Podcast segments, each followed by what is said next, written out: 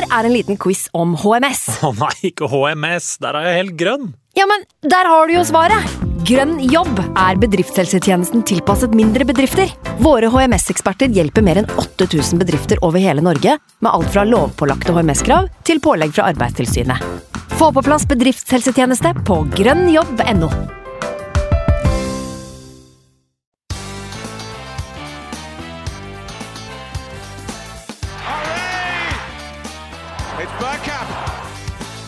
for grabs now! The next station is Arsenal. Hei og hjertelig velkommen skal du være til en splitter ny episode av Arsenal Station med Magnus Johansen og meg, Simen Goffeng. Det er mørkeste november, altfor lite Arsenal i monitor, og 50% av podden har hatt en solid kule i helga. Med andre ord, det finnes argumenter for å drøye med innspilling. Men Magnus, hva slags folk ville vi være om vi ikke benyttet vår ukentlige mulighet til å minne alle våre Gunner-venner at eh, Arsenal faktisk er top of the league? Kan ikke glemme det. Nei, det er nesten som jeg glemmer det sjøl i noen eh, minutter her og der. Men stort sett så, så ligger det der og tirrer på netthinnen hele veien, den tabellen. Og det er eh, etter ei helg med kebab og, og øl og snap, snapper som ikke tåler dagens lys, så når man våkner da dagen etter og føler seg som et vrak, så, så er det utrolig deilig å kunne finne trøst i, i tabellen. Eh, gjerne tekst-TV-versjon. Eh, den syns jeg er fin. Så, Mm. eh, men vi hadde, vi hadde før innspilling, Simen, så snakka vi litt om at vi ikke hadde noe å snakke om. Og så satte vi oss ned for å begynne å, planlegge, og så fant vi ut at vi, vi har egentlig ganske mye å snakke om, som alltid når det gjelder Arsenal. Det er vel forbannelsen vår, det. Det er alltid et eller annet som gjør at vi kommer til å prate i ikke to timer i dag, det kan jeg si med 100% sikkerhet, faktisk. Men vi kommer til å ha nok å fylle, fylle en god, solid eh, prat her med, i hvert fall. Det, det tviler jeg ikke på. Så hvis du er i form etter fredagens uh, solide fyllekule, så, så kjører vi på, vi. Ja, altså jeg kan ikke love noe langsiktig utover tre kvarter, kjenner jeg, men eh, jeg tror vi skal klare det. Skal stå distansen. Holder det, for en gangs skyld. Altså, hva står på lista vår i dag, egentlig? Vi må snakke litt grann om eh, Arsenal-spillere i VM så langt. Det er jo på sin plass. Eh, både du og jeg har vel sett betraktelig mindre VM enn vi har gjort noen gang tidligere. Eh, Kanskje enda mindre enn det vi så for oss, til og med. Det er ikke verken tid eller så mye lyst. Men den store VM-praten den hadde vi i forrige uke, så om noen ikke har fått med seg den, så kan man heller scrolle en eh, episode ned i Spotify-lista, så finner man den der. Eh, ja, hva annet har vi å snakke om? Det er jo sånn at det nærmer seg Dubai-tur om ikke så altfor lenge. Uh, gutta er vel fortsatt på ferie enn så lenge, men eh, kan jo prøve å ta et lite frampek der og se, se hva slags eh, Om ikke ukjente talenter, så i hvert fall eh, litt mindre kjente navn eh, eventuelt som kan finne på å bli med på flyet ned dit. Og så er det jo sånn at vi kanskje bør ta en liten tur innom situasjonen på et par av våre nærmeste konkurrenter som nå har blitt lagt ut, eller kommer til å bli lagt ut for salg. Mm. Snakke litt om hva slags påvirkning det kan eh, ha for Arsenals del. Eh, selvfølgelig mye, mye å dypdykke i der. Vi aner jo ikke hva som skjer og hvor fort det vil skje, men eh, det går jo an å spekulere litt. Det er vi gode på.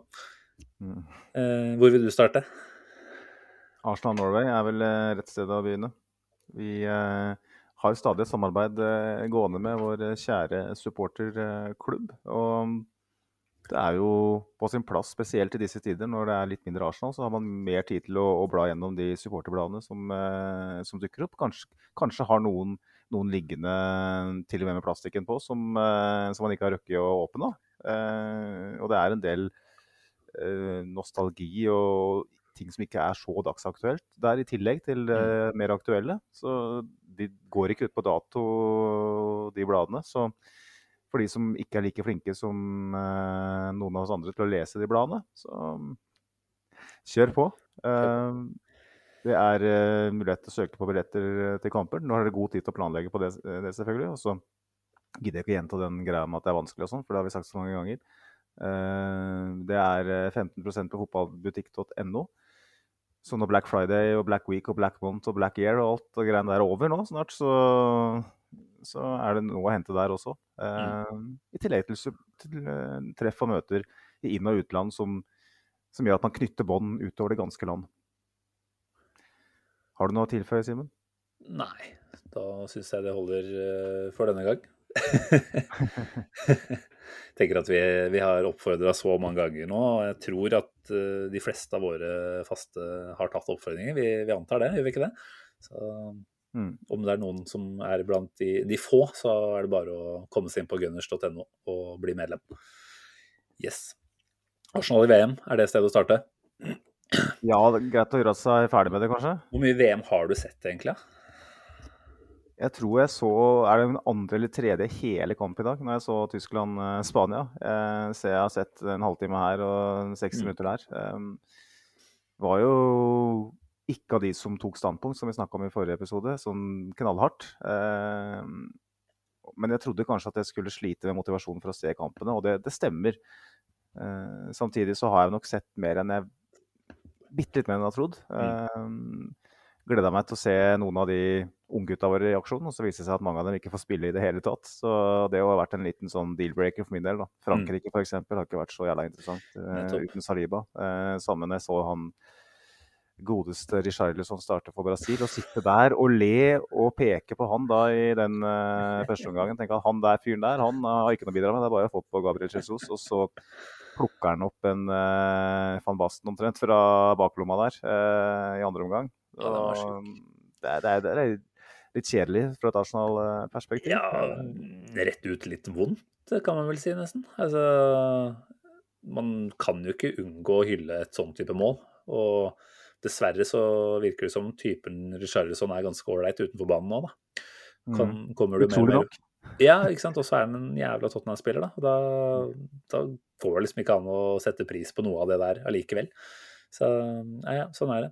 Men uh, du har sett litt kamper. Jeg har vel faktisk bare sett én full 90 minutter, og det var uh, fredag kveld. Da gjorde du andre ting.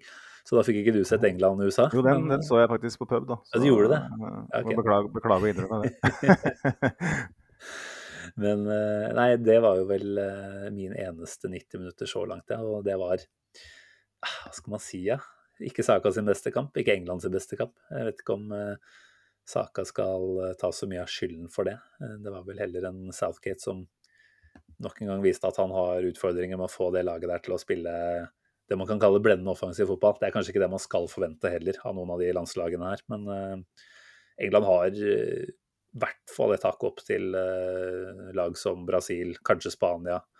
Eh, vanskelig å si kanskje med Tyskland. Nå spilte de vel uavgjort i dag, men, eh, Mm. men eh, føler liksom at England de er ikke, de er ikke i en sånn topp tre-kandidatposisjon for min del, i hvert fall. Nei, og så vet vi jo det at England eh, for eh, fire år siden gikk gjennom VM uten å møte kvalifisert motstand før i, i semifinalen omtrent. Uh, og i EM så var ditto ikke nødvendigvis så veldig imponerende hele veien fram til finalen, selv om de kom seg dit. Så de er litt sånn Jeg, frykt, frykter for dem når de kommer opp mot uh, virkelig god motstand, og det vil de gjøre i det mesterskapet her. Uten at jeg har studert den der, eh, det treet, så, så skal det godt gjøres at de unngår å møte god motstand, vil jeg tro. Og um, USA var vel bedre enn den kampen, eh, som jeg med mine ølbriller eh, så det. Ja, jeg er ikke uenig. Eh, særlig han Tyler Adams, Leeds-spilleren, for meg sto ut. Han fikk vel mye hyllest fra mange kanter også, for så vidt, han. Så det er ikke sånn at jeg var alene om å se det, akkurat. Men uh, en fyr som har vært linka til Arsenal, i hvert fall én sommer tidligere, men kanskje flere òg. Ja, stemmer det. Har vel ikke gjort sakene dårlig Leeds, men har jo ikke på en måte fått et gjennombrudd på den måten som han eh, nå fikk. da. Han gikk jo sikkert prislappen hans opp med 20 millioner pund eller noe sånt òg, så det er ikke sånn at jeg ser for meg at vi plukker opp han i januar akkurat. Men vi har jo snakka mye om hvem som skal være en slags eh, backup og reserve for en Thomas Party. Og Mm. med den prestasjonen hans der, eh, så i hvert fall deler av det partyansvaret han kunne plukka opp på, så er det vel kanskje andre sider av det som ikke nødvendigvis er, er like gode heller, da. Og en annen som også jeg syns var interessant, det var jo han Jonas Musa, som har eh, Altså vi som følger Arsenal litt ekstra tett, vi har jo registrert at han var på Hale-End eh, på akademiet eh, Mm. fram til 15-16. Eh, altså da han var 15-16 år. Eh, gikk jo til Valencia da han ikke anså mulighetene for noe særlig førstelagsmuligheter som veldig store. Det var vel en kontrakt som løp ut, og han tura videre til Spania. og Kan vel si at han har gjort en god vurdering sånn sett, da, med tanke på hvor han er nå. Absolutt. Men, uh, det er også en litt sånn ja, løpssterk uh, midtbanespiller. Han kunne vært Jeg skal ikke si at vi skal hente den, men kunne liksom sett for seg at han kunne, kunne komme tilbake og gjort en jobb på et eller annet tidspunkt. Da. Og det, det, her, det er jo det her jeg elsker med uh, mesterskap. Uh, det at man uh, plutselig har muligheten i en hel måned å sitte og se på et så gigantisk utstillingsvindu. For mm. Normalt sett så ser vi Premier League-matcher, og så ser vi kanskje noen toppkamper fra andre ligaer. Jeg tror de aller fleste av oss er sånn. Og så er det noen nerder rundt omkring som kanskje er råere på prioritering, eventuelt ikke har små barn, som får sett mye mer. Og all ære til dem. Men det er sånn Uh, med det bakteppet sånn som er her, som jeg snakka om, så er det liksom litt vanskeligere. Uh, mm. Men jeg merker jo det når jeg ser kamper, at uh, har sett litt Jeg så på Spania og Tyskland i dag, og når jeg ser Daniel Olmo f.eks. på venstrekanten ja. til, til, Spania, så ser jeg liksom her er en sånn type spiller som kunne kommet inn som et alternativ i de kantrollene. Han kan også spille sentralt, har god, relativt god med begge bein, fantastisk mm. ballspiller. Eh, rapt skudd. igjen, jeg har sett han litt før, da, men han blir minna på en del sånne spillere. Eh, og det er utrolig kult. Er, det er, noen spillere man husker. Man oppdager spillere. ikke sant? Jeg husker jeg opp, som alle andre oppdaga Mesut Özil i 2010 ja. eh, i Sør-Afrika. Nei. Jo. jo. Var det ikke 2014 som er Sør-Afrika? Nei, Brasil. Og Brasil, ja. Der ser du. Jeg har egentlig kontroll. Um, Stor på det selv. Mange sånne, sånne, historier, ikke sant. Og mm. det gleder meg liksom til jeg kan finne en sånn derre spiller som man forelsker seg i, eh, og forhåpentligvis signerer for Arsenal eh, etterpå. For det, da blir det litt ekstra fett. Men um, Arsenal-spillere sånn generelt så har det vel vært um, Som jeg nevnt, en del av de unggutta har ikke fått spille noe særlig. Nei. kan du bare ta med med en gang, eh, beklager avbrytelsen. Fint. Vi var tidlig, eller ikke, ikke, så tidlig ute med fisking etter spørsmål eh, i forkant av den episoden. Vi var litt usikre på om det i det hele tatt blei en episode, men eh, nei da, vi er, vi er her, vi. Og det er jo heldigvis noen av de faste lytterne og spørsmålsinnsenderne våre òg. Så apropos det vi snakker om nå, så kan du ta med Kristoffer Gullberg sitt spørsmål. Han spør hvorfor får Arsenal-spillere knapt spille i VM? Konate foretrukket foran Saliba. Vraket igjen til kamp to. Eh, Jesus, Jesus mener jeg, ute. Og Tomiasu vraket for spillere fra lokalliga. Jeg forstår ingenting. Eh, og så sier han at, eh, eller spør om er det bra allikevel, med tanke på troppen, i forhold til at man får eh, færre skader og, og mer hvile. Mm -hmm. eh, sammensatte, og det er klart finner ikke ett svar på alle de spillerne. Det er jo forskjellige årsaker i alle casene, da. Men eh, La oss starte litt med Saliba, da. For det er vel kanskje den som står ut som den mest overraskende eh, fra vårt ståsted. Vi regna vel med at eh, i hvert fall skulle spille mye. Nå ser det vel ut til at han er siste stoppevalg, faktisk, hos uh, Champs. Eh, mm. Finner jeg veldig merkelig. Eh, har du gjort deg noen tanker om både hvorfor og ja, hva faen Deschamps driver og tenker med.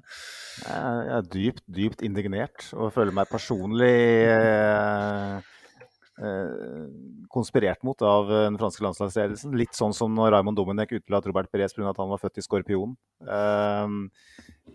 Det er litt, litt merkelig, men samtidig de spillerne som får spillet, har vel kanskje litt mer erfaring fra store matcher. Ja. Ehm, Konate som vi ler litt av for at han ikke har spilt så mye for Liverpool, det handler jo litt om skadeproblemer. Eller mest av alt om skadeproblemer. Han har jo vært med og spilt for Liverpool i, i en innspurt hvor det sto om edelt metall. Varan åpenbart en eh, eh, legende for nesten på fransk mm. landslagsnivå. Eh, spiller jo mye bedre der enn han gjør på United. Eh, ja. Og så er det vel Upamecano som har spilt begge kampene deres, er det ikke det? Han har vel hatt en brukbar sesong i, i Bayern da, etter en litt uh, treig start. Ja. Uh, han, han, ble jo haussa opp enda mer enn eh, Saliba på, på samme alder. Så mm. det, er, det, er, helt utrolig ja, Den bredden de har der, er ellevill. Nå nevnte jeg vel ikke Frankrike engang, når vi snakka litt om uh, hvem som kan stå ut som toppkandidater i, i, VM, men de er jo åpenbart med der, selv om de har litt skadeutfordringer. Mm. Eh, men det er klart, når ja, Jules Condé eh, ser på VG Live her nå, at han satt opp som høyrebekk i forrige kamp. Mm. Eh, Det forklarer for så vidt at han er inne og ikke Saliba, for han har ikke spilt høyrebekk.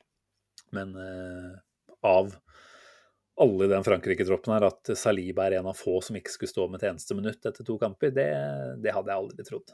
Det hadde jeg ikke. altså Selv om, som du sier, han er fersk, og man har jo en Chouameni eh, foran der som også er kan vi si, relativt fersk, i hvert fall i, i VM-sammenheng. Eh, Mm. Det er klart Man vil kanskje ha så mye rutine eh, og erfaring som mulig, og det er jo forståelig. Men eh, ja, nå, nå vant de vel eh, Har vel vunnet to av to, da, så kanskje det er en mulighet for at Saliba får noen minutter i tredje gruppespillskamp, i hvert fall. Ja, det er jo lov å, å håpe. Jeg, jeg håper jo at han får spille litt. Eh, Det er jo litt av spørsmålet til Kristoffer òg. Hvor sunt er det? Jeg Mm. tenker jo Saliba som har vært den beste stopperen i Premier League, eh, som er den tøffeste ligaen i, i verden eh, nå hele høsten så langt. Eh, Det er 14 kamper, vel, så det er jo kanskje en liten påminnelse til Arsenal-support at vi må roe litt ned hypinga. Og jeg tenker spesielt på meg sjøl, selv, selvfølgelig, men det er eh, Klart han, han kunne ikke ha lagt inn en mer solid søknad Nei. enn det han har gjort. Um, så jeg håper jo ikke at han føler på, på det at eh, han på noe som helst slags vis ikke fortjener det, eller at han er på feil sted eh, i karrieren Mm. eller i feil klubb eller noe sånt. For det, han kunne ikke ha vært i en bedre klubb, han kunne ikke ha vært, eh, gjort noe bedre enn han gjorde det. Så, og det tipper jeg de som, som er rundt den er flinke til å minne på òg. Så jeg bare håper at han ikke at han iallfall holder seg fysisk. Eh, nå var det jo snakk om at han skulle spille noen treningskamper underveis der for de som ikke Ja, ja. Har ikke fått med. noe sånn ba, bak lukkede dører. Så, Så ikke mot uh, stadionarbeidere, som de også har gjort en del av i oppkjøringa. eh, Det er en ordentlig kamp. Ja, det, ja, det sies at det er en ordentlig kamp. Okay. Um, Så at en får litt grann, eh, dårlig matchsending, vil jeg merke. Ja. For det er jo det som er bekymringen, at de blir rustne, rett og slett, de spillerne her. Jeg tipper jo Martinelli og kommer til å spille ganske lite. Eh, kom inn, gjorde en god jobb, men eh, samtidig, det er, det er litt sånn som på Frankrike. Så er det voldsom kamp om de offensive rollene i, i Brasil. Mm. Eh, så jo en sånn som Antony kom inn før han. Ja. Jeg syns jo ikke han har vist i Premier League at han er bedre enn Martinelli, men han har jo lengre fartstid på det landslaget. Så, Ja. Og det er vel det det handler litt om, at uh, mangelen på erfaring fra, fra de typen miljøer og sånn gjør at uh, de ungguttene som vi tenker at må inn, Mm. ikke nødvendigvis uh, blir ansett like viktige i en landslagsledelse. Nei, det er vel en liten påminnelse om at Arsenal-brillene våre de må ta seg av eh, noen gang. eh, Og, og under VM er vel definitivt et sånn type øyeblikk hvor man kanskje må innse at det er andre faktorer som spiller inn nå. Saliba, som jeg har snakket om, han har vel heller ikke hatt de aller beste landskampene forut for VM. Det var vel bl.a. en match i Parken hvor han ble tatt av til pause etter å ha slitt fælt i første omgang. Så det er klart, med det i mente, så Nå møter man jo Danmark i den andre kampen som de vant. da.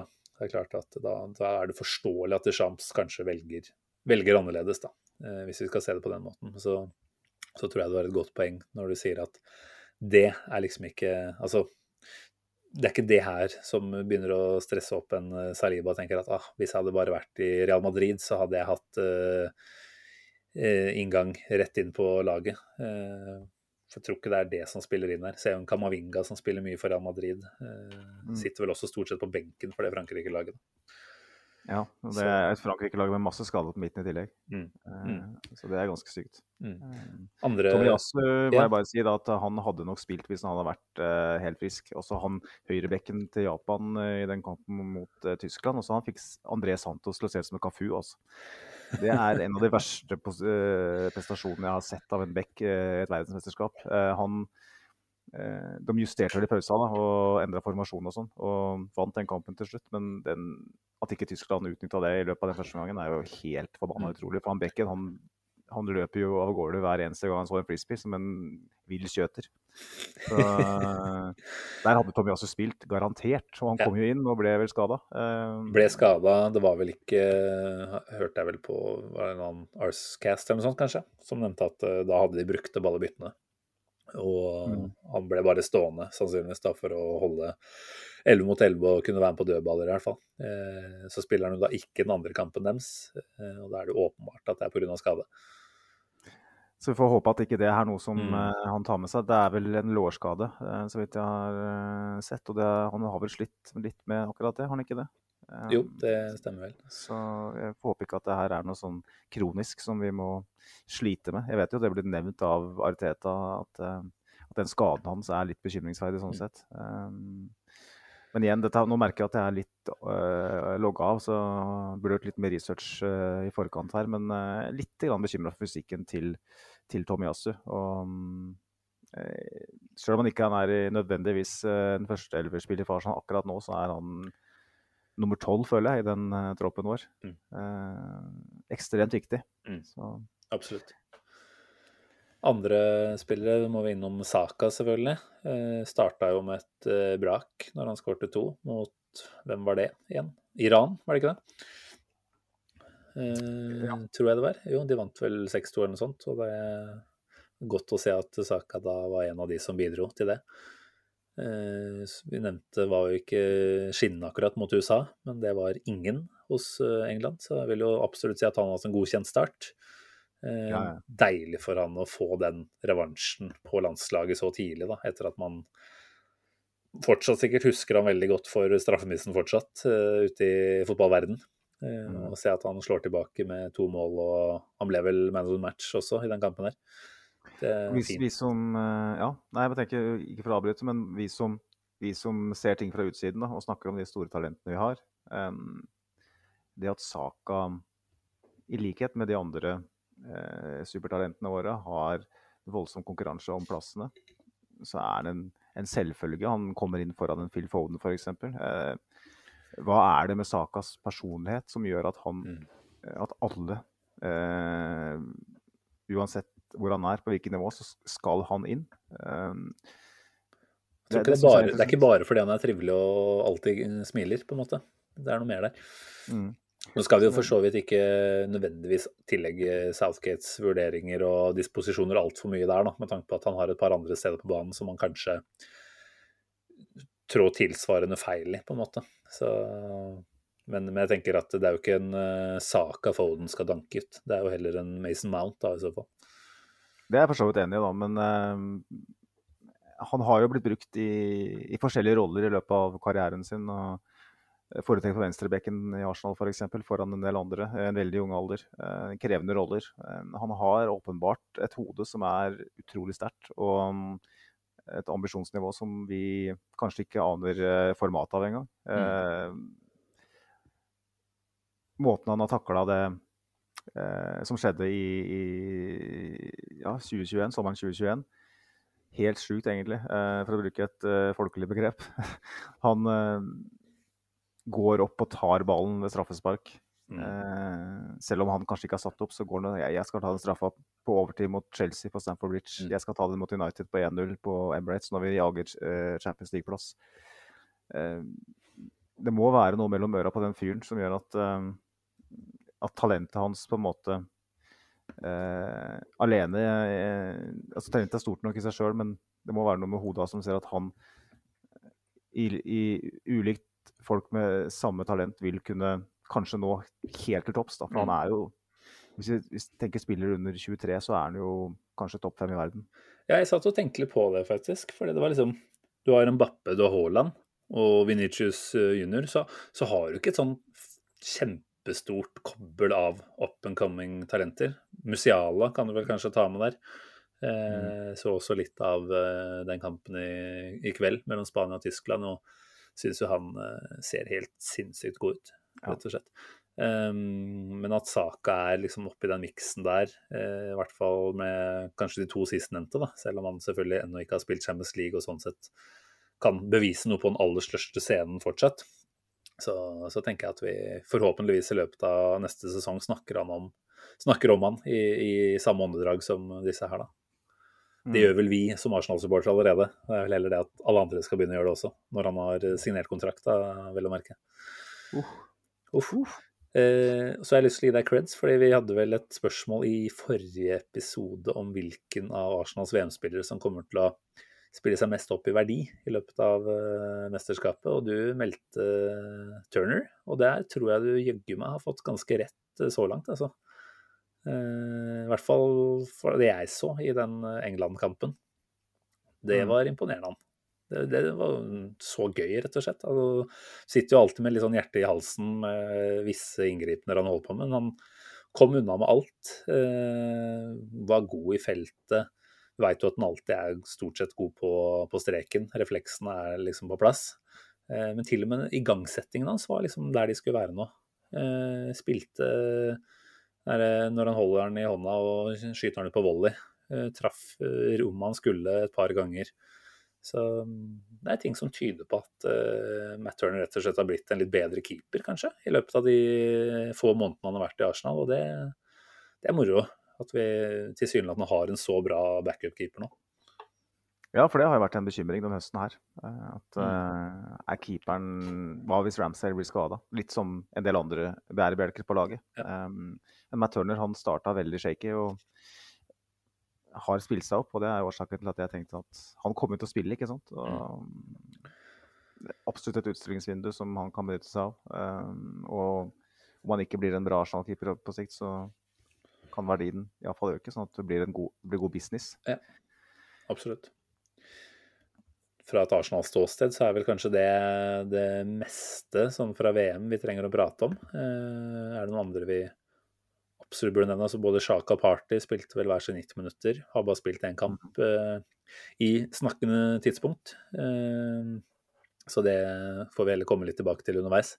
Så er det ikke noe overraskende at verken White eller Ramsdale har null minutter ennå. Eh, dessverre. Særlig White bør jo få Ja, nå ser jo Trippier og, og Saka ikke akkurat uh, virker som eh, verdens beste venner på høyrekanten der. Så kunne man tenkt at en, uh, en Ben White inn der ville forløst mye hos Saka også, da.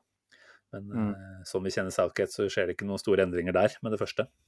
Så vi får heller bare glede oss til at England ryker ut i kvarten og Southgate er ferdig.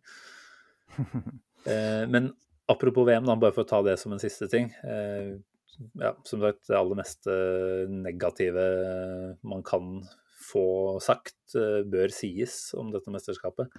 Eh, Men det som er litt interessant, og kanskje fra et positivt eh, perspektiv, da, eh, som jeg tipper du også har bitt deg merke i, og så mange åpenbart har eh, sett, det er jo mengden eh, tilleggstid som har eh, vært eh, gjennomgående nå, egentlig hver eneste kamp. Det har kanskje roa seg bitte litt ned, men det er vel eh, noen tilfeldigheter eh, fra kamp til kamp ute og går. Men vi har jo sett Mm. både 9, 10, 11 minutter kanskje til og med lagt til eh, Mm. etter eh, første eller andre omgang. Eh, så kom det jo først en del reaksjoner ut i det, det ganske Twitterland at eh, hva faen er det som skjer her? Eh, men når man tenker seg bitte lite grann om, så er man jo ganske åpenbart eh, fornøyd med den utviklinga der, er vi ikke det? Spennende å se en sånn type ting som egentlig alle har etterspurt. Altså, hva er det vi ser da? Ca. 60 minutter effektiv spilletid eh, hver eneste fotballkamp. Eh, at vi da får i hvert fall noe av det eh, tillagt, eh, det er vel bare å rope hurra for, er det ikke det? Jeg er veldig tilhenger av at eh, fotball eh, At effektiv spilletid skal, spilletid skal være stort, stort ja, Nå klarer jeg ikke å snakke lenger engang, for det, nå er det søndag kveld, og jeg har vært eh, og spist kebab osv. Men jeg håper at det blir spilt mer fotball i løpet av eh, kampene, rett og slett. Mm. At det blir mindre eh, uttaling av tid, mindre styr og stell med klaging på dommer og, og diskusjoner og alt sånt. Eh, men jeg er usikker på om det er veien å gå er at, at en fotballkamp skal vare et kvarter lenger enn vi er vant til. Eh, jeg tror ikke vi lever i et samfunn som eh, hvor, hvor det kommer til å slå positivt ut for, for seertall osv. Jeg tror vi lever i et samfunn hvor, hvor uh, folk stort sett er oppe med smarttelefonen sin i løpet av en kamp fem-seks ganger. Mm. Eh, og hvis man ser et hvis man ser en kamp som ikke nødvendigvis uh, har direkte innflytelse på deg og ditt lag, så kan det nok hende at eh, når vi passerer 105 minutter, at, at folk har zooma ut for ganske lenge siden. Så jeg, jeg Mm. tror ikke løsningen er at fotballkamper skal bli så lange. Jeg, jeg tror løsningen må være annerledes. Uh, men jeg, jeg tror at man sender ut et viktig signal da, Mm. ved å gjøre det her. Eh, jeg vet ikke hva du tenker, Simen, om. Om du tror at det her faktisk kommer til å bli innført, eller om det er, som jeg sier, uh, et tydelig signal om at nå, nå må vi gjøre noe. Jeg syns jo den argumentasjonen du kom med der, var veldig god, og den er nok kanskje den viktigste. For det er vel noe Fifa har vært uttalt bekymra for, er vel nettopp det at uh, særlig den yngre garde i disse dager ikke tar seg tida og har ikke tålmodighet nok til å følge med på en hel fotballkamp. Så klart At uh, man skal da gå veien uh, mot å lage enda lengre fotballkamper, det høres jo ikke sannsynlig ut. Ehm, så, så, akkurat med tanke på det, så tror jeg nok kanskje du har rett i at det bare er et tydelig signal fra Colina, eh, dommersjefen, eh, ned til eh, Det var vel ganske klare meldinger om at Colina omtrent hadde sagt at hvis du ikke legger til mer enn nok tid i dette mesterskapet, så sendes du hjem omtrent. Eh, så det er klart, hvis det stemmer, så, så, er det jo helt åpenbart at det er et slags eh, politisk eh, utspill, nesten, da, dette her. Men akkurat hvordan man skal bruke det framover, det er jeg usikker på. jeg tenkte jo kanskje at det skulle være noe å ikke nødvendigvis innføre, eller ha et håp om å innføre på liganivå allerede nå eh, resten av denne sesongen, men kanskje fra og med neste sesong. Mm. Eh, men igjen, jeg tror jeg må helle tilbake til ditt gode poeng, altså om at det egentlig bare medfører lengre kamper. Jeg tipper at TV-selskapene vil ha et lite ord med i laget der, og er vel ikke kjempehappy for at allerede pressa sendeflater skal presses enda mer. Eh, så, så, at det kanskje rett og slett er et sånt ordentlig spark i ræva som setter i gang en debatt da, om dette med effektiv spilletid, og at man går ned til en, eh, en stoppeklokkefunksjon hvor du teller opp til hva det skulle være. 70? 60? Det blir kanskje 60, da. Det høres så lite ut, mm. bare. Men, eh, men det er klart, den, det er en stor ting, altså, hvis man skal endre på tidtakinga i, i fotballen. Så mm. ja, jeg er spent i alle fall på hvordan det utvikler seg videre. Eh, det må jeg si. Og ja. at eh, vi på en måte har sett litt sånn utvikling av fotballens regler og store tanker eh, gjennom det internasjonale fotballen tidligere, det har vi jo. VAR er jo et eksempel på det. ikke sant? Det var vel noe som også kom inn på mesterskapsplan, kanskje aller først på juniornivå, og så var det vel eh, deretter på VM-nivå før det ble tatt i bruk i, i diverse ligaer, hvis jeg husker rett. Så Eller ja, kanskje. Kanskje ikke. altså, altså, VAR ble vel eh, først prøvd i nederlandsk fotball på, i uoffisielle kamper, tror jeg. Og så etter hvert offisielle kamper. Men, men, poenget ditt er helt riktig. Kjempeviktig poeng. er at når når Fifa innfører eh, noe, kall det nytt, da, eh, i et mesterskap, så er ofte det et signal på at det her det skal innføres og hele plata. Mm. De sitter jo på, på, toppen og med blodpenger eh, langt opp etter ræva, men det er en annen sak. Men de, de, de, legger føringer for hva som skal foregå ellers. Eh, VAR som du sier, er et eksempel på det, og da, da må vi nok regne med at det kommer Mm. kommer, om ikke i den formen her, eh, så vil det være en endring som kommer i måten man eh, regner ut tida i en fotballkamp. Og jeg har sett såpass mange fotballkamper at jeg har veldig klare meninger om hva som bør gjøres, og jeg er helt utrolig at det ikke blir gjort. Um, bare for å ta ett eksempel som min store kjepphest sånn sett, det er hvorfor får en fotballspiller når han lager et frispark, lov til å plukke opp ballen, mm. løpe 20 meter og kaste den tilbake. Hvorfor får du ikke gult kort for det? det ja, hvorfor er ikke bare regelen så enkel som at når det skjer, så får laget som er tildelt frispark, lov til å ta frisparket fra der ballen blir lagt igjen? Mm. Enkelt og greit. Ja, da, er... du, da stopper du med en gang. Eh, det er sikkert ikke så enkelt og greit, men eh, jeg har irritert meg over det samme i lang tid. Så Kanskje vi må komme oss inn i en eller annen sånn eh, teknisk utviklingskomité eller noe sånt. Og I Premier League, da, for å si sånn, i engelsk fotball, så har det vært en offisiell matchball som har litt sånn som en kongekrone skal være verdt mer enn alle andre kroner andre mm. baller. sånn at i stedet for at man har masse baller i omløp, så når ballen blir sparka 20 meter opp av tribunene, så skal den da Først så skal jo fulle Joe fra fra Hornsey Road sitte og, og tive på ballen, for han har lyst til å ta med seg hjem. Og Så blir han kasta et stykke ned, og så er det en ny en som skal holde på han, Og så går det 20-30 sekunder, kanskje 40, før den ballen er nede på linja igjen. I stedet for at du har da matchballer liggende rundt. Nå har jo det blitt endra. Det har det nå, ja. Men at det fikk foregå så lenge, Mm. det viser jo at det er mange ting man kan ta tak i her.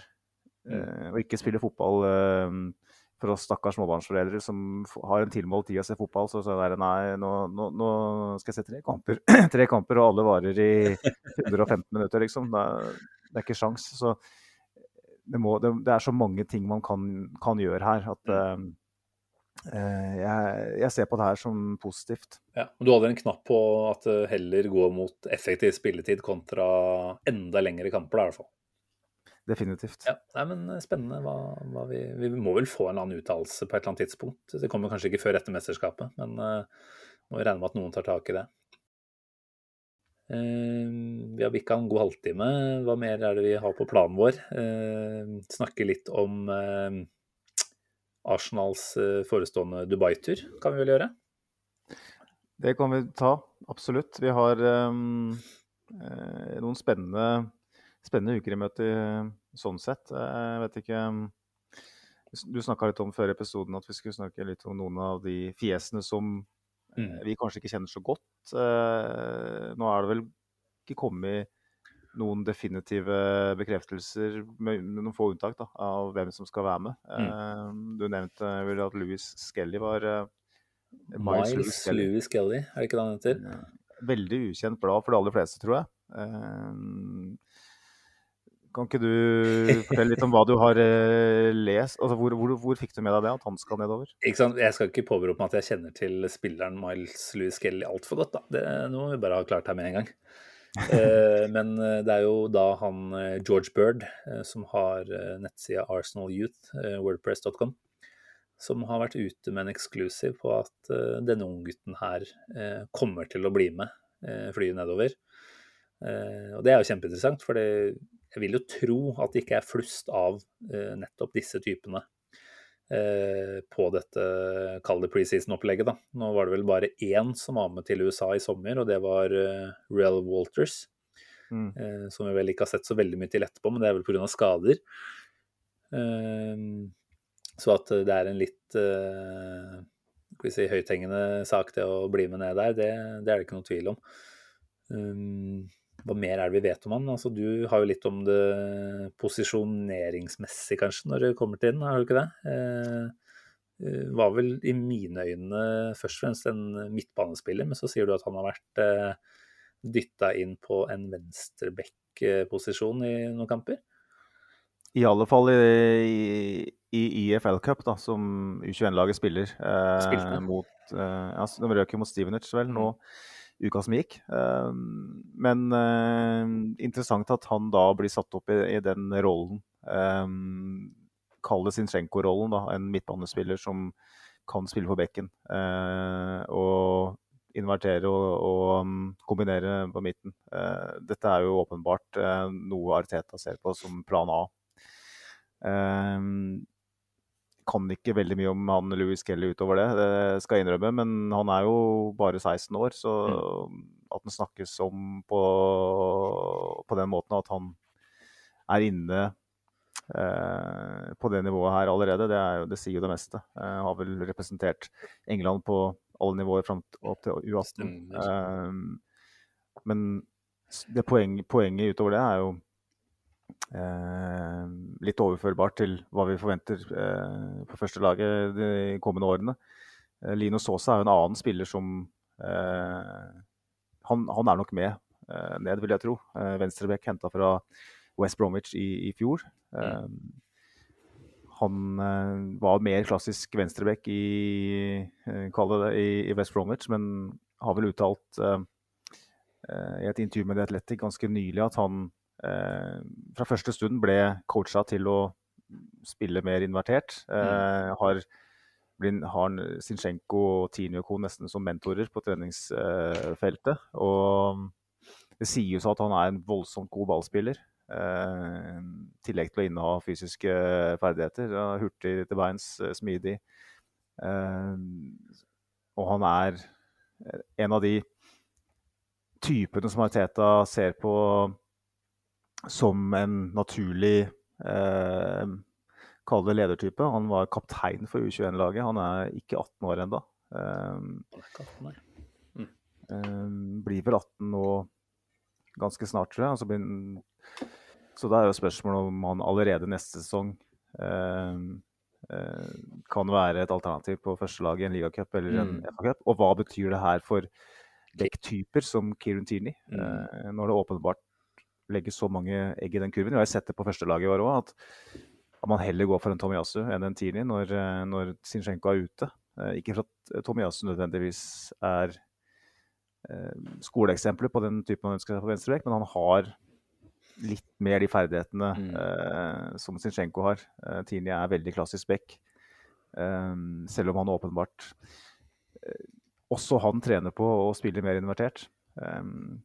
Eh, det blir jo veldig lang eh, rekke med argumenter der eh, i den retningen, Altså, og en avsporing av dimensjoner. Men eh, jeg syns det er litt interessant, Simen, det der. Eh, at, at man får sånne drypp fra, Mm. fra juniorlaget. Og kanskje blir det en mulighet nå i, i den eh, preseason-perioden, for å kalle det det. eh, hvor vi får se noen av de gutta her spille de, de rollene. Mm.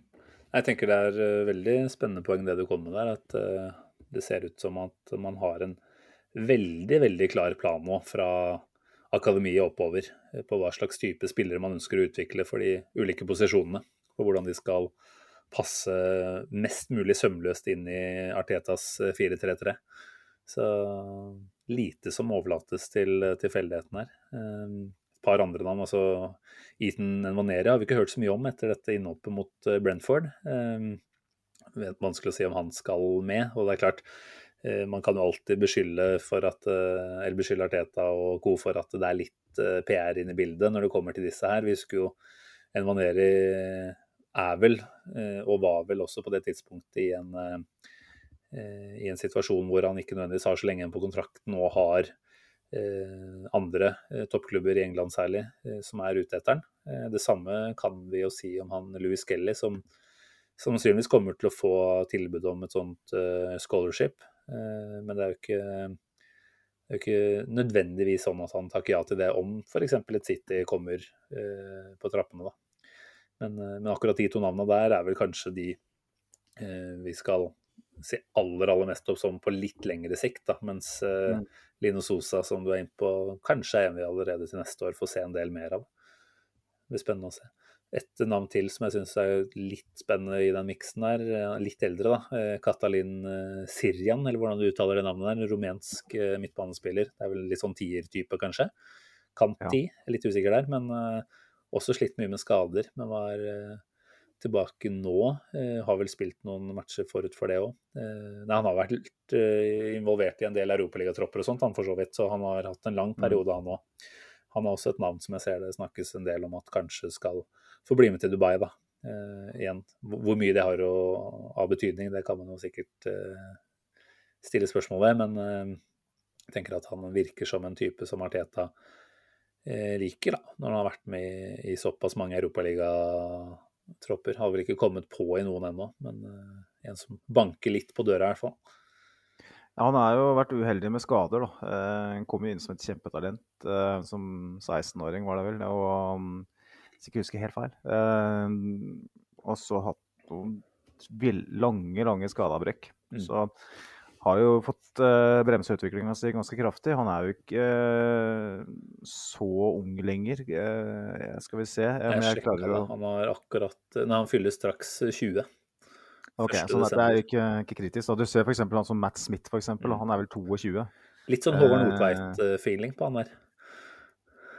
Ja, han var jo i, i FA Cup eh, eh, Hvis du tenker på Smith. Ja. Eh, Ja, var jo ikke- FA Cup eh, Hva legger du det, egentlig? Bare sånn uh... Litt sånn ledertype, ikke altfor uh, altfor gifted, kanskje, men som gjør en solid jobb på reservelaget. Uh, og blir med litt opp på troppene. Men, uh, men ikke en som framstår som et fantastisk eh, talent, da.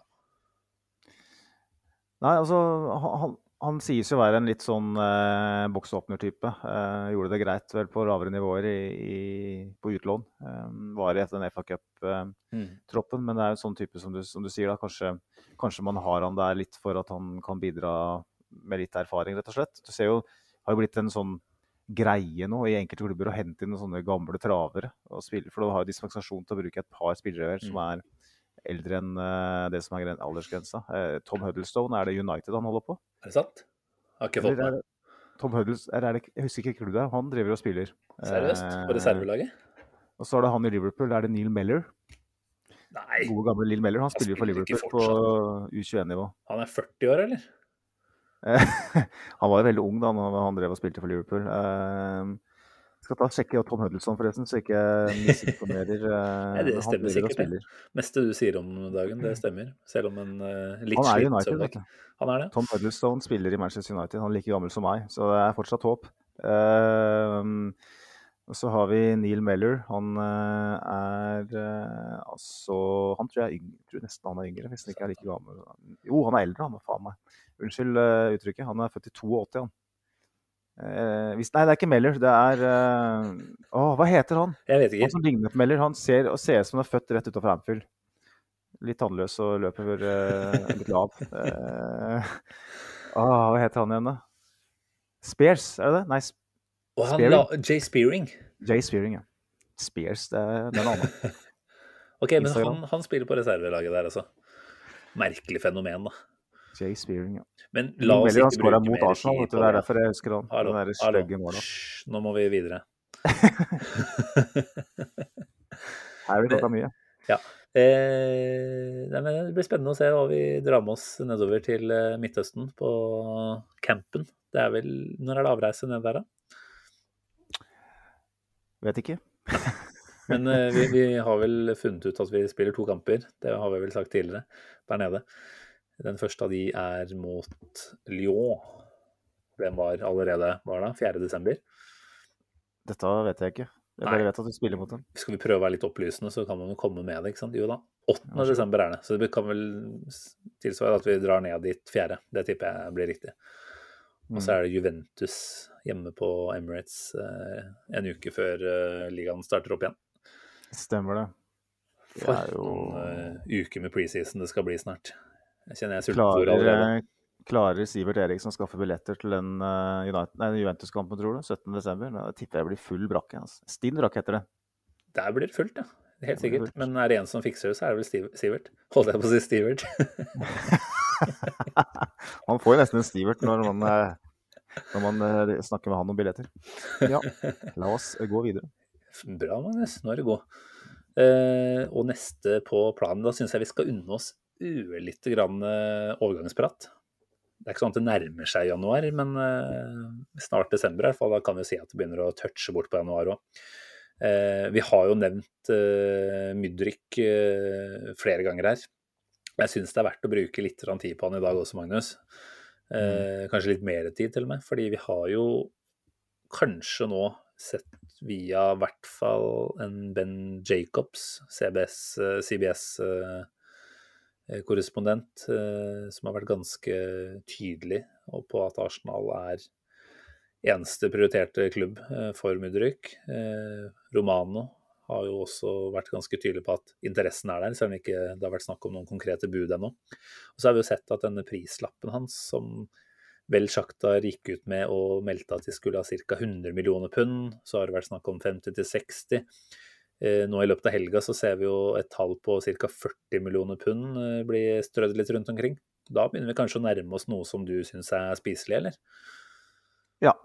Eh, det blir litt i overkant villbass i mine øyne å skulle bruke 60-70-80 millioner pund på en spiller fra ukrainsk liga som har en håndfull kamper i Champions League å vise til. Eh, men åpenbart en spiller som er interessant for mange Mm. klubber. eh, som er en av de der navnene som man må regne med å høre nå i, i måneden som kommer. Og 40 millioner pund i, i dagens marked, eh, det er vel dit man må, sikkert. Um, så hvis Ariteta og, og Edu og co. har gjort den researchen som jeg forventer at de gjør, og, så for all det.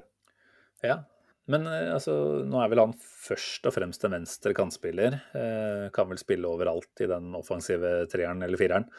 Eh, men, eh, men har vel på en måte kvaliteter som tilsier at han gjerne kanskje er litt sånn fra venstre og innover eh, orientert, da.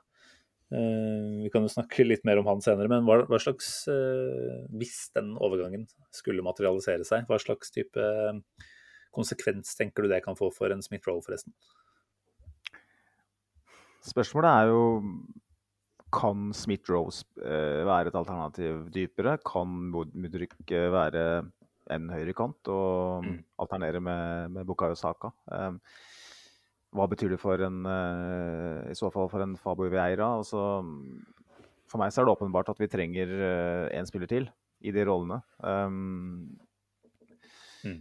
Om Mudrik er så anvendelig at han kan spille for begge sider, eh, det vet jeg ikke, men det vil jeg kanskje tro. Eh, så Vi må jo være ærlige på at vi har ikke sett veldig mye av han, noen av oss. Eh, et par, jeg har ikke sett noen fulle Champions League-kamper, men vi har jo sett en del klipp etter hvert, og sett noen compilations, helt sikkert. Det er jo sånne ting man kan ta seg tid til i disse dager. Syns jo han ser veldig, veldig spennende ut, jeg må si det. Sånn én mot én-ferdigheter. Mm. så så virker han som en som kan virkelig åpne opp et uh, forsvar. Um, og egentlig også med det kreative. altså Litt mer det han kan gjøre i form av pasninger og, og, bevegelser. Uh, slår meg som en uh, ja, ganske komplett offensiv type. På det nivået han har spilt til nå, vel å merke, så er det liksom et mm. steg opp i Premier League. Og det er vel kanskje det som er det store ankepunktet, da, med at man henter en nå i januar for ganske store penger. Da ønsker man vel egentlig at det er en som kommer inn og gjør oss eh, ja, Han gjør oss jo sterkere. Spørsmålet er hvor mye sterkere han gjør oss eh, resten av denne sesongen, hvor vi tross alt har en kjempegod mulighet. Da. Men eh, han er 21 år. På de to siste sesongene så har han spilt var det jeg leste et eller annet sted, 23 kamper i hjemlig liga, 12 Champions League-kamper. Og han har da fått 27 eh, målpoeng på de kampene. Så det er jo ikke, det er ikke dårlig tall eh, på noen som helst måte. Mm. Litt sånn Fabu Vera-følelsen, nesten. Spilt litt få kamper, dårligere nivå, eh, men har ganske heftige tall å vise til. Da. Og da blir jo spørsmålet igjen er han Viera som trenger mye tid, relativt godt med tid, på å akklimatisere seg og, spille seg varm, eller er han en som kan komme inn allerede i januar, da, eventuelt, og å gjøre den nødvendige forskjellen allerede der.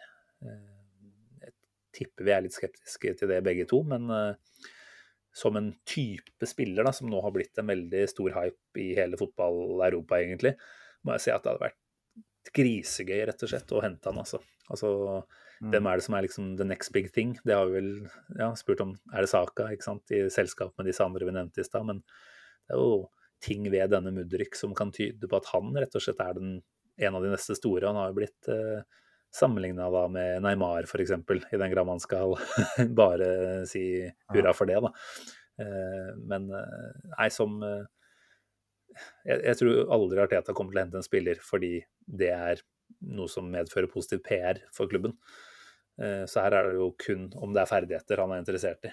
Men eh, når han nå har et så spennende navn og har såpass mye eh, interesse rundt seg, da. Så, så, må jeg jo si at det hadde vært litt ekstra gøy å hente en sånn type spiller som andre ligger litt eh, langflat etter. Skrev jo Dial eh, Norge, eh, som vi har en del kontakt med på, på Twitter. Han, eh, eller dem, skriver er han vår nye Arshavin på overtid i januar. ser jo som er litt bedre trent enn Arshavin, som kom der med bollesveisen si, og litt flat Eh, litt liten kul på magen. Eh, men ja, det blir jo det blir jo forhåpentligvis en signering som eventuelt kunne ha hatt en lignende effekt eh, for, en, for et annet utgangspunkt, vel å merke. Også en som mm. kommer inn og, og, rett og slett er forskjellen. Eh, ikke alene, selvfølgelig, men eh, den lille forskjellen kontra det vi ser i dag, da, som mm. løfter oss eh, det lille hakket som skal til for at vi oppnår det vi virkelig vil. Og det, de ordene skal du ikke få legge i min munn, hva det er. Men det, det er liksom Og det, det, er litt eh, derfor jeg òg kanskje ser på andre navn, da. Men uh, ja. så mye mer tillit til klubben nå enn jeg hadde før, så uh, Enkelt og greit. Mm. Ja, så enkelt er det. Nei, men Greit. Mudrik-praten don for nå. Vi tar den sikkert opp igjen, vi, når det nærmer seg januar. Håper at han for så vidt, da, i motsetning til Arshavin, er klar i starten av januar, da, ikke venter til eh, helt mot slutten av overgangsvinduet. Etter at vinduet har stengt, faktisk. Etter vinduet har stengt. eh, vi har jo fått flere spørsmål her. Er det sånn at du har et klart som du har lyst til å stille, eller? Ja, vi har mange bra. Eh, apropos transferprat, eh, så har jo Thomas Nyhus eh, Terjesen eh, på Twitter stilt det spørsmålet som alle stiller, egentlig, og som vi egentlig ikke trenger å svare på, men som vi kan registrere. Det er jo Piers Morgan, David Seaman og andre deler av media prøver å plassere Ronaldo i Arsenal. Finnes det ett godt argument for at uh, det er lurt? Uh, så skriver han nå at er det også hensiktsmessig å hente inn en veteran eller to ekstra? Kanskje en profilert stopper som Beckenbauer, eller en klassisk spiller som Pelé? ja, få de alle, alle tre. Hele, hele gjengen må inn. Vi trenger ikke å svare på det. Men, men, men sa du David Simen hadde vært ute og meldt det samme der, altså? At Ronaldo burde ture til Arsenal? Det har ikke jeg fått med meg. At Piers Morgan ja, han sleiker så mye ræv på den mannen der at det er blitt vondt å se på. Men, så det er ikke overraskende. Og hans forhold til Arsenal tror jeg ikke vi skal bruke mye tid på. Men at David Seaman faktisk har vært ute og snakka og sagt at det kunne vært en god idé, det overrasker meg. Han er jo inne i klubben nå som uh, trener, så litt merkelig, merkelig det. Uh, men det er jo, det er, jeg kjenner jo til en del folk som, som uh, syns det er fristende idé. da. Uh, på en seksmåneders og Sånn. Altså. Ja, jeg gjør jo det, jeg òg. Men det er, det er, åpenbart en bevegelse der ute som, som liker det de ser av han i, i baris, og, og, tenker at han fyren her, han, han er så ekstrem ikke sant, at uh, han kan komme inn og skåre de måla vi, vi, mangler. Men uh, man, må, jeg tror folk glemmer helheten her, rett og slett. Men altså, det, ja, altså, det kommer aldri til å skje, helt åpenbart. Altså, Arteta har brukt uh, hele sin tid han i Arsenal på å rydde opp. Det er klart de kan skal dra inn søppel nå og skitne til gulvet. Det kommer aldri til å skje. Men om han skulle gjort det, altså hvis han på et eller annet merkverdig vis skulle plutselig blitt overtalt av Josh til at ja, men vi gjør dette her bare i seks måneder nå, så, og så skipper vi den ut. Klart det hadde drept all den autoriteten Arteta har eh, bygd opp nå. Så ja, nei, det, på alle måter så er dette feil. Eh, og nevnte Morgan var vel ute og skrev at han kunne lagd et godt eh, spisspar med Gabriel Jesus. Det er sånn, Har du sett en nasjonalkamp? Spiller Nei. vi med et spisspar? Hva er det vi holder på med? Jeg syns det er mer interessant å spørre uh, hvorfor er det mennesker der ute som faktisk tror at det er en god idé. Uh, for det, det, er det jo åpenbart ikke.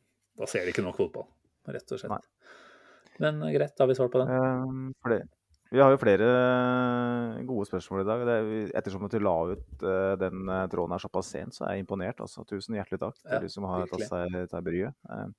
Magnus Idridasson på Twitter han er jo en av de som er inne nesten hver gang, og det setter vi veldig pris på. Han spør tips til ting man kan gjøre fram til Premier League begynner igjen. Oh. Um, hvis man da tenker at VM ikke er et mm. alternativ, da, hva, hva vil du komme med her?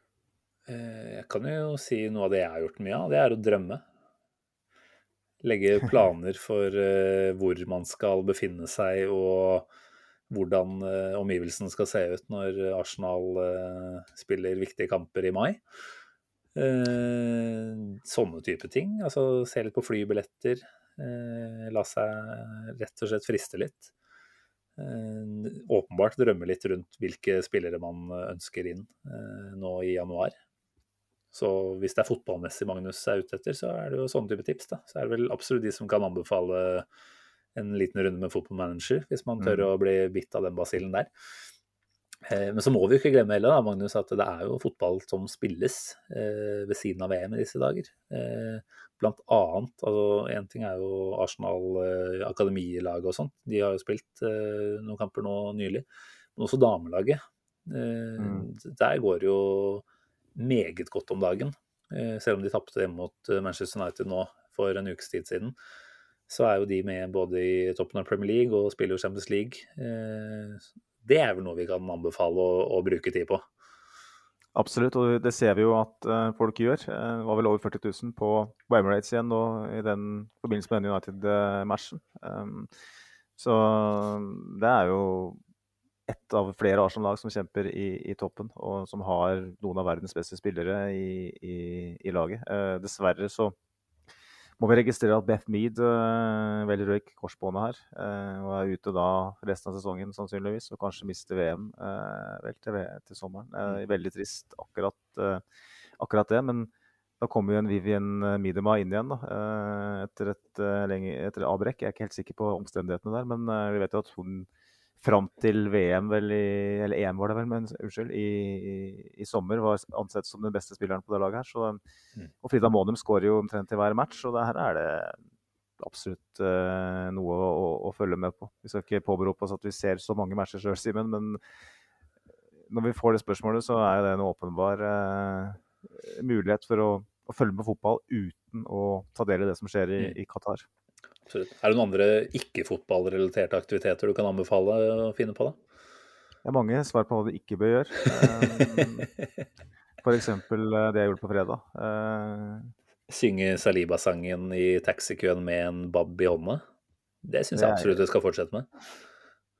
Sovne igjen sittende i sofaen eh, med en kebab foran meg som ikke engang har rørt. Det er blitt standard, egentlig. sånne ting som det der er dumt å, å drive med. Så Nei, ja, eh, verden er full av muligheter, Simen. Eh, vi kan gå videre til eh, neste spørsmål. Vi, Kristoffer Gullberg har vært nevnt tidligere her, men han har et godt spørsmål til. og Vi var så vidt inne på det i forbindelse med den Mudrik-debatten. Simen, Men hvilke forventninger har vi til Smith-Roe når han er tilbake fra, fra, skade? Og hva med fremtiden hans, om han fortsetter å skuffe slash være skada resten av sesongen?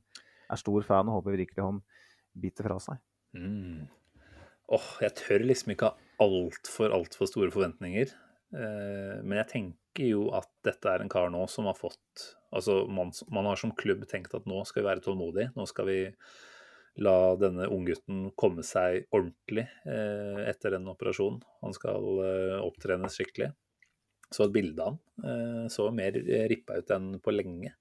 Veit at han har hatt Nandos-medlemskap omtrent og vært mye ute på fastfooden tidligere. Men uh, han så ganske så godt ut i, i halvveis baris eh, da jeg så et bilde her.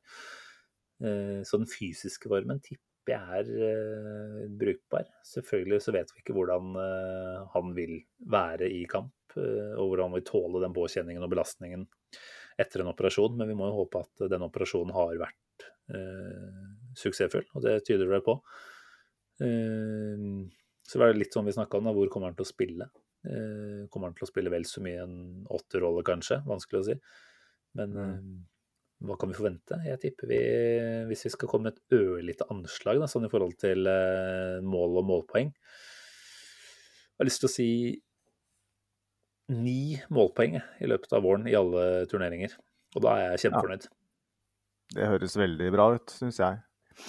Um, jeg tenker jo at med hans talent og hans posisjon, så det å sitte på sidelinjen og se på det som har foregått nå den høsten her, det må jo ha vært tidenes inspirasjonskilde for han. Ja. Uh, kan ikke ha et bedre utgangspunkt uh, for å komme tilbake i, i, laget. Han vet at han per nå er nummer 12-13-14 i, i, troppen. Han kommer tilbake, og han vet at han har et enormt talent, og han byr på noe som de andre ikke gjør.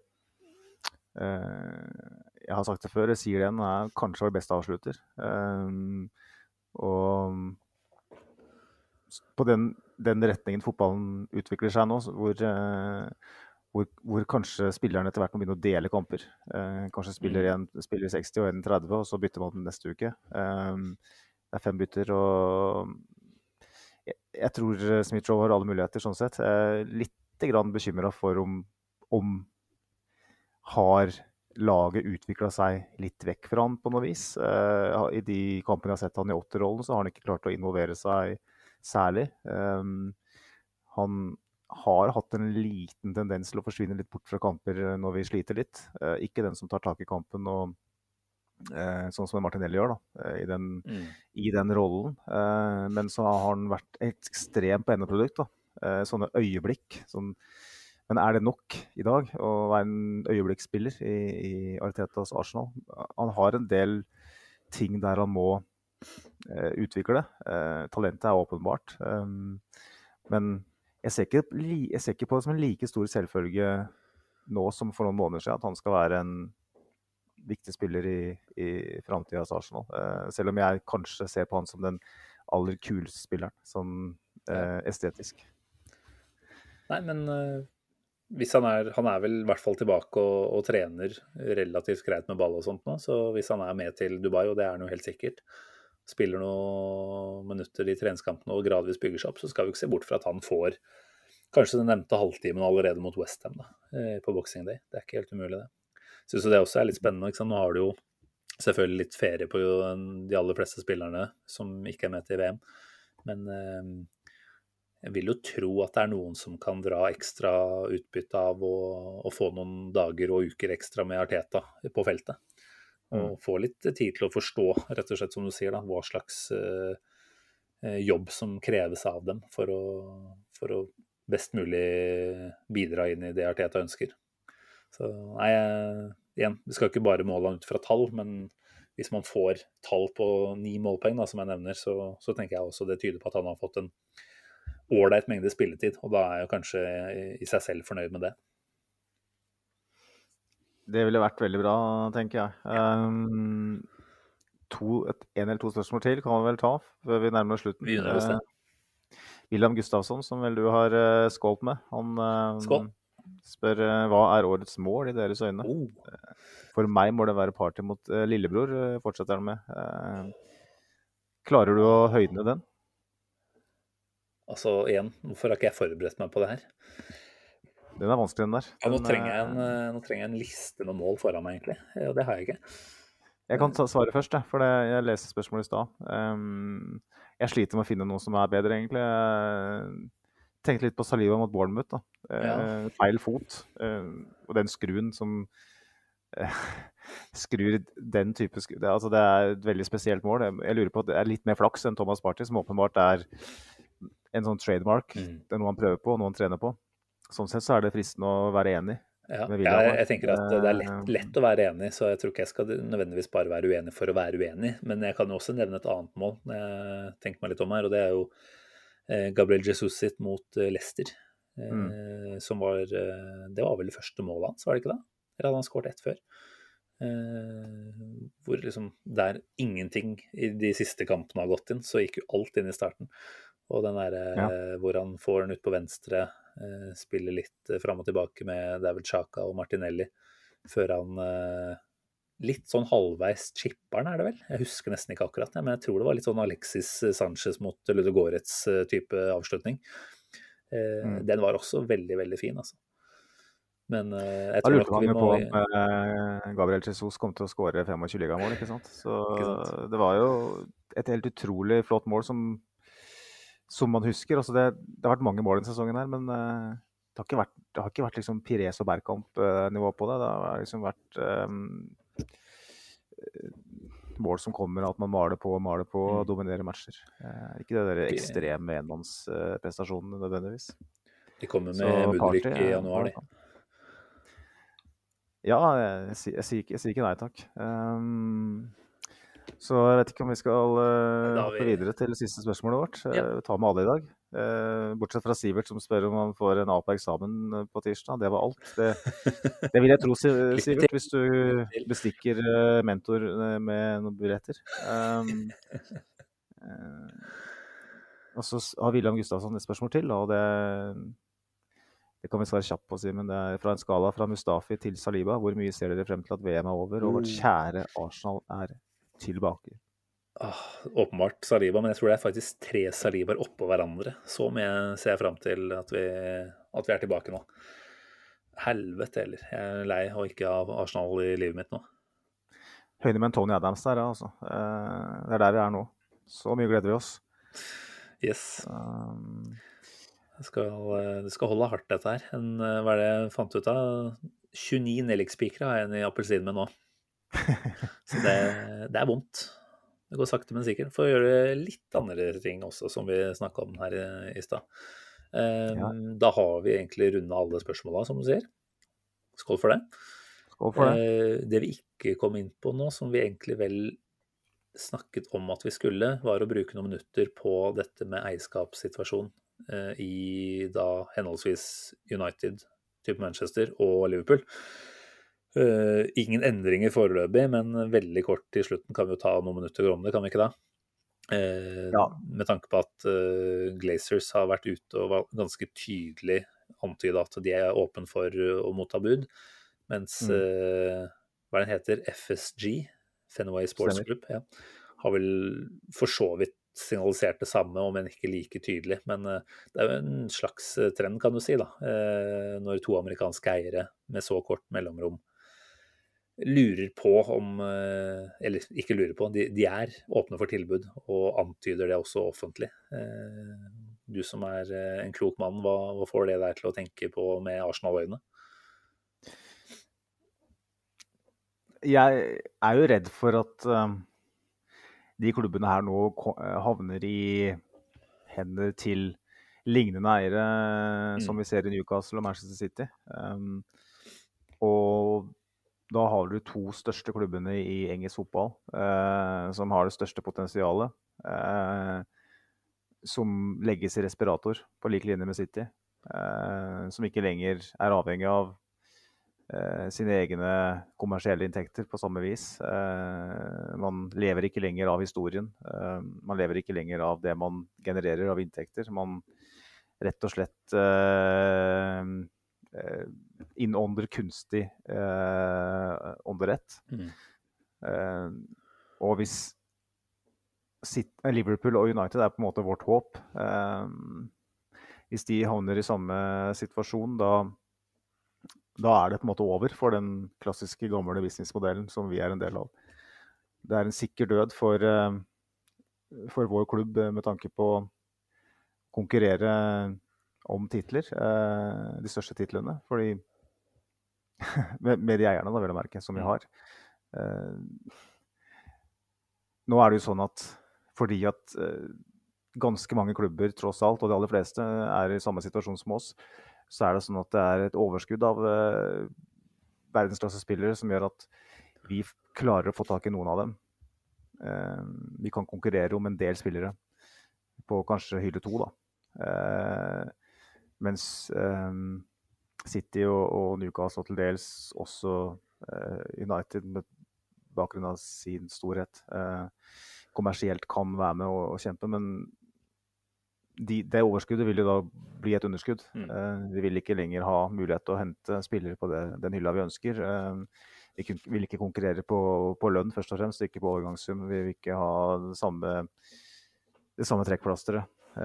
Vi kan ikke skilte med, med noe av det samme. Vi er rett og slett da en, en klubb som havner på en hylle under. Um, ua, uavhengig nesten av hvor smarte vi er og hvor godt vi driver klubben. Så det er krise. Eh, Fint at vi putta inn litt krise på slutten av praten her. hvis begge de blir henta av et sånt konsortium med tilknytning til Midtøsten der, så da, da, er, da er det kjørt. Eh, og da er eneste håp for Arsenal, eh, med tanke på titteljakt, at vi blir kjøpt opp av lignende eiere. Og det kommer da til å skje, sannsynligvis. Eh, fordi at KSI kommer til å selge seg ut hvis det, hvis det blir tilfellet. Nei, altså, tenker jeg kan, kan ikke ta deg på noe av det du har sagt her nå. Um, håper jo lite grann kanskje ekstra på Jürgen Klopp, da, så lenge han er der. Og nå ser det ut til at han blir eh, almighty, eh, med tanke på alle andre i Liverpool-hierarkiet som blir borte i disse dager. Eh, så blir det nesten litt sånn Wenger-aktig posisjon for eh, Klopp i Liverpool. Og så uttalt som han har vært, og vi kan si mye om eh, Klopp, men at han framstår som en hedersmann når det kommer til en del verdispørsmål, det tror jeg ikke vi kan diskutere altfor mye på. Så er det i fristende å tenke at han ikke vil være av oppfatning av at det er veien å gå for Liverpool som klubb. Og igjen, altså alle fotballsupportere kan vel til en viss grad si at man glemmer litt hvor pengene kommer fra. Eh, Men det gjelder jo i særlig grad for de lagene som ikke har vært oppe i toppen. Eh, City, Newcastle, ikke sant. Som virkelig har sultefòra fans som egentlig sier ja takk til hva som helst for å nå eh, nye høyder. Kanskje særlig for et Liverpool, da, per i dag i hvert fall. Så har jeg jo en slags forventning om at det er noe de fra fans eh, sitt eh, ståsted eh, vil uttrykke en del mer misnøye mot da, enn det f.eks. Newcastle gjorde, som kledde seg ut som sjeiker hele gjengen. ikke sant? Så vil kanskje en Liverpool-fanskare i litt større grad være, være tydelig i sin om ikke fordømmelse, så i hvert fall motstand av en tanke om en Qatar eller midt, annen Midtøsten-eier. da. Så, mm. men, det, men, det, er klart det er en skremmende tanke hvis uh, begge de to klubbene der også tilfaller uh, sånne type penger. Da, da, er Arsenal ute på dypt vann. Da er det vel egentlig bare å håpe at den prosessen med eierskapsskifte og sånt uh, tar godt med tid, sånn at Arsenal får like mye tid til å bygge opp et solid fundament og bli en maktfaktor igjen. Da. og Det er vel det vi må krysse fingra for nå, sånn sett at vi vi smir mens jernet er varmt nå i januar og fortsetter til sommeren, og sørger for at Arsenal er liksom den klubben eh, i England, som, altså med London, ikke sant, med verdens kanskje mest spennende trener, uten å ta altfor store ord i munnen her nå, men vi er ikke så langt unna. Så det er klart at vi, vi må sørge for at vi forvalter den posisjonen vi er jobbet oss fram til nå. Og sånn sett eh, i hvert fall de neste to-tre årene kan konkurrere med lag som dette her. Som ja, de mm. kan få penger, men det vil allikevel ta tid å få innarbeida nye strukturer i klubben og få systemene på plass. Da. Så, så jeg tenker jo at Arsenal per treårsperspektiv ikke har så mye å frykte eh, sånn sett, men eh, at eh, dersom feil eiere dukker opp, selvfølgelig kan være en utfordring for oss på sikt. Da. Ja, ja, men er mer edruelig den, uh, den tankerekka du har. Jeg er jo veldig negativ til tanken, uh, åpenbart. Um, spørsmålet mitt til deg er jo da Dette må vi sette oss inn i etter hvert, men um, motstanden til Liverpool-fans da f.eks. til mm. en sånn type oppkjøp, har de stemmerett i det hele tatt? Altså, så lenge FSG vil selge til si Qatar eller Dubai, da, så, så er det vel ikke noe sånn kontrollorgan det det som kan stoppe det. Men, men, hva er det, uten å dra alle over én kam her, hva er det en type eier som Saudi-Arabia, eh, Qatar er opptatt av, Abu Dhabi? Det er jo positiv PR. Jeg tenker at Ser du at du har et helt lokalsamfunn eh, i byen klubben eh, spiller i, mot deg, så mm. tror jeg den veien er litt lenger. Det er jo sikkert den håpefulle, naive karen i meg som prater nå, da. Men uh, men jeg tror at uh, det er noen følere ute, for å si det sånn, da, i forkant her, som uh, plukker opp om motstanden er massiv. Da tror jeg faktisk at det kan være noe som får, får uh, en sånn type eier til å snu. Men hva vet vi? Money talks er vel stort sett fasit på de fleste spørsmål. Ja, og jeg tror kanskje vi må prøve å forberede oss litt mentalt på at um, at vi også innen fem-seks år kanskje er i, i, sånne hender. Og hvordan i helvete skal vi takle det? Det jo For det vil være en dolk i ryggen uh, på mange vis fra, fra, de som er i klubben i dag. Og et uh, verdispørsmål man må ta med seg sjøl. jeg nesten så jeg gråter når jeg tenker på det. For det, det da, da, havner man i en så tvilsom situasjon som som fan at man mm. rett og slett må ta, spørre seg sjøl om det er verdt det. Ja, faktisk. Ja, nei, men det, eh, det, var jo en høydare å avslutte den poden her på, det. Tenk at vi klarte å ende opp her. men jeg tror faktisk vi må si at det holder for i aften. Fordi klokka begynner å tikke mot midnatt ubønnhørlig. Og vi har jobb og vi har forpliktelser, Magnus. Men uh, vi kan love at vi er tilbake med lystere toner bare om noen dager. Skal vi ikke satse på det? Ja, ja, og vi kan jo legge opp til at det blir lystig på slutten og si at vi leder Premier League, faktisk. for de som ikke vet Det Det var jo derfor vi egentlig skulle spille inn i dag, bare for å komme med den påminnelsen. Så fint at du tar opp den igjen.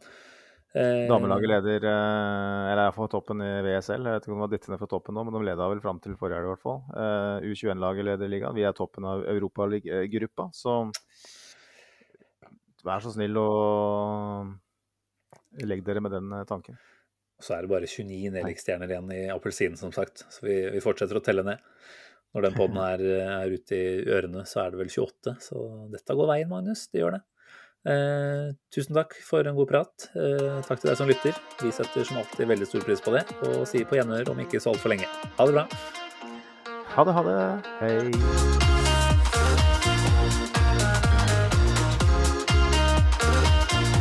This train terminates here.